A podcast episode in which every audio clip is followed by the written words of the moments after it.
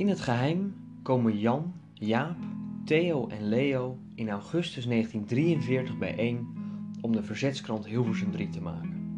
Het zijn vrienden en leeftijdsgenoten van elkaar. Theo Horsthuis werkt als ambtenaar bij de gemeente Noordwijkerhout. Leo Verbeek is werkzaam op de psychiatrische inrichting Santa Maria. En de broers Jaap en Jan Verselen de Withamer studeren allebei medicijnen. Ze komen samen in Huizen de Vra, op de grens van Noordwijk en Noordwijkerhout. Het huis is eigendom van de vader van Jan en Jaap, dokter Verselewel de Withamer, die geneeskundig directeur van de psychiatrische inrichting Santa Maria is.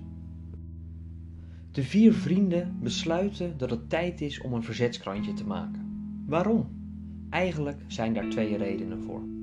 Jan en Jaap studeren medicijnen aan de Leidse Universiteit, tot deze instelling op last van de Duitse bezetter eind 1941 wordt gesloten. De broers zetten hun studie voort in Amsterdam, maar dat duurt niet lang. In maart 1943 besluiten de Duitse bezetters om alle Nederlandse studenten de loyaliteitsverklaring te laten tekenen. In die verklaring moeten ruim 15.000 studenten beloven om zich te onthouden van iedere tegen het Duitse Rijk gerichte handeling. De studenten hebben tot 10 april om te tekenen. Wie niet tekent mag geen college meer volgen, maar moet zich melden voor de arbeidsinzet. Van alle studenten weigert 75% om de verklaring te ondertekenen, zo ook Jan en Jaap. Ze duiken onder om werken voor de Duitsers te ontlopen. Zo hebben zij tijd om verzetsactiviteiten te ontplooien. Een andere aanleiding die het ontstaan van het illegale blaadje Hilversum 3 inluidt, is de Duitse maatregel gericht aan alle Nederlanders om in mei 1943 hun radiotoestel in te leveren. Deze maatregel stellen de Duitsers in om te voorkomen dat Nederlanders naar de BBC en Radio Oranje luisteren. De Duitsers vinden dat de Nederlanders door Radio Oranje worden opgehitst om in opstand te komen en om te gaan staken. Om dit in de toekomst te voorkomen, moeten de Nederlanders dus hun radio's inleveren. Van alle radio's wordt 25% niet ingeleverd. Deze radio's worden verstopt en komen zo in de illegaliteit terecht. Voor veel Nederlanders is het vanaf dat moment alleen nog mogelijk de Nederlandse kranten te lezen en de Nederlandse radio te beluisteren, maar die staan onder Duits censuur. Het nieuws is dus gekleurd. Dokter Verselewel de Withamer houdt zijn radiotoestel achter en de vier vrienden luisteren in het geheim naar Radio Oranje. Ze schrijven de nieuwsberichten over Nederland en de fronten op en maken zo hun eerste gestencelde verzetskrant. Om hun streekgenoten op de hoogte te houden van het nieuws van buiten, gaan zij het krantje rondbrengen. De naam van de krant wordt Hilversum 3. Hilversum 1 en Hilversum 2 bestaan al en zijn Nederlandse radiozenders die het nieuws vertellen van de Duitsers. De vrienden willen echter het andere nieuws vertellen, de waarheid zoals zij dat noemen, en kiezen daarom voor de naam Hilversum 3.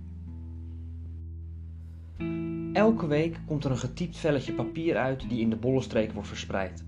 In eerste instantie hebben de jongens alleen een typemachine tot hun beschikking en is de oplage niet heel groot. In november 1943 komt daar verandering in, als ze een stencilmachine weten te bemachtigen. Begin 1944 zijn er steeds meer illegale blaadjes in de regio, die allemaal de gewone nieuwsberichten verkondigen vanaf Radio Oranje. Daarom besluiten de jongens de inhoud van Hilversum 3 enigszins aan te passen. De belangrijke redenvoeringen die uit de vrije wereld via de radio's worden bereikt, zoals toespraken van Winston Churchill, koningin Wilhelmina en generaal Eisenhower, zouden nu de voornaamste plek in het krantje innemen. In het tweede nummer van 1944 verschijnt voor het eerst het logo van Hilversum 3, met daaronder de toepasselijke tekst van dichter en toneelschrijver Joost van den Vondel. Geen logen heeft hier kans, de leeuw die voert het blazoen der vrijheid op zijn lans. Met name de eerste zin wekt de lading van de krant. De leugens, logen, die de Duitsers vertellen komen niet in Hilversum 3. Geen logen heeft hier kans. Geen leugen heeft hier kans van slagen.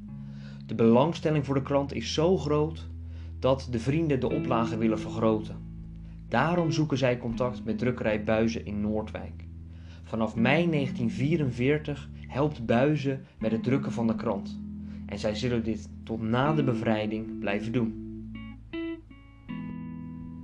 Er zijn enkele momenten tijdens het bestaan van Hilversum 3 waarbij de krant bijna ontdekt wordt. De eerste keer is op 6 september 1944. Op een avond rond half elf vergadert de redactie van het blad als plots soldatenlazen gehoord worden. De vier vrienden luisteren aandachtig. Gelukkig, het geluid verstomt. Maar dan, plots, er wordt hard aangebeld. Aufmachen! De vier jongens vertrekken gelijk naar hun schuilplaats, die van tevoren is klaargemaakt. Maar door de opwinding vergeten ze enkele papieren op de redactietafel. Een van de jongens keert terug en grist het papier van de tafel. Tijd om naar de schuilplaats te gaan heeft hij niet. Hij schiet het dak op, waar hij zich schuilhoudt. De Duitsers doorzoeken de plek, maar de vier vrienden zitten veilig. De boel wordt overhoop gehaald, maar er wordt niets gevonden. Dat scheelde niet veel. Aan het einde van de oorlog wordt er ook een inval gedaan bij drukkerij Buizen in Noordwijk. De drukker is de Duitsers gelukkig voor en verbrandt al het bewijsmateriaal in de kachel. Wat het verhaal van de verzetskrant Hilversum 3 nog spannender maakt, is dat de vier vrienden, de vier jongens, in het najaar van 1944 ook hulp krijgen van ondergedoken Amerikanen. In december 1944 maakt een Amerikaanse B-17 bommenwerper een noodlanding in een weiland nabij Luimuiden. Van de bemanning raakt slechts één Amerikaan gewond, die later door de Duitsers krijgsgevangen wordt gemaakt. De overige bemanningsleden worden door het verzet geholpen om onder te duiken. Een eerste schuilplaats is fruitkwekerij De Olmhorst in Lisserbroek. Eenmaal daar aangekomen blijkt de situatie met zeven Amerikaanse onderduikers niet houdbaar. Het is te gevaarlijk om zoveel mensen op één plek te hebben. Zodoende worden Amerikanen ondergebracht op verschillende onderduikadressen in Sassnijm, Hillegom en Nieuw-Vennep. Vier Amerikanen verblijven op één adres in Hillegom, maar ook daar kunnen ze niet lang blijven. Er wordt een nieuw onderduikadres gezocht en twee bemanningsleden, Ashley Ivy en Leonard Polk, belanden bij de familie Verselenwel de Withamer in Noordwekkerhout. Zo komen zij in contact met de broers Jan en Jaap. Met een vervals persoonsbewijs vertrekt Lennart met een van de broers naar de drukker in Noordwijk om handmatig de drukpers aan het werk te krijgen. De elektriciteit is in Noordwijk in december 1944 immers al afgesloten. Bij een Duitse controlepost aangekomen moet ieder zijn auswijs laten zien. Gelukkig komt men door de post en wordt de reis naar Noordwijk hervat. Vanaf de verschillende onderduikadressen maken de Amerikanen met vervalste persoonsbewijzen in februari 1945 de lang verwachte tocht naar het zuiden van Nederland, dat al bevrijd is. Wederom door hulp van het Nederlandse verzet bereiken zij op 18 maart 1945 bevrijd gebied. Op 14 mei 1945, dus na de bevrijding, verschijnt het laatste nummer van Hilversum 3. Hierin leggen de vrienden uit hoe zij gedurende de bezettingstijd al die kranten hebben kunnen maken en laten verspreiden in de Duin- en Bollenstreek. Zussen en vriendinnen hielpen met het verspreiden van de krant. Zo konden in de hele streek honderden, ja misschien wel duizenden, de berichten over de op handen zijnde bevrijding tot zich nemen.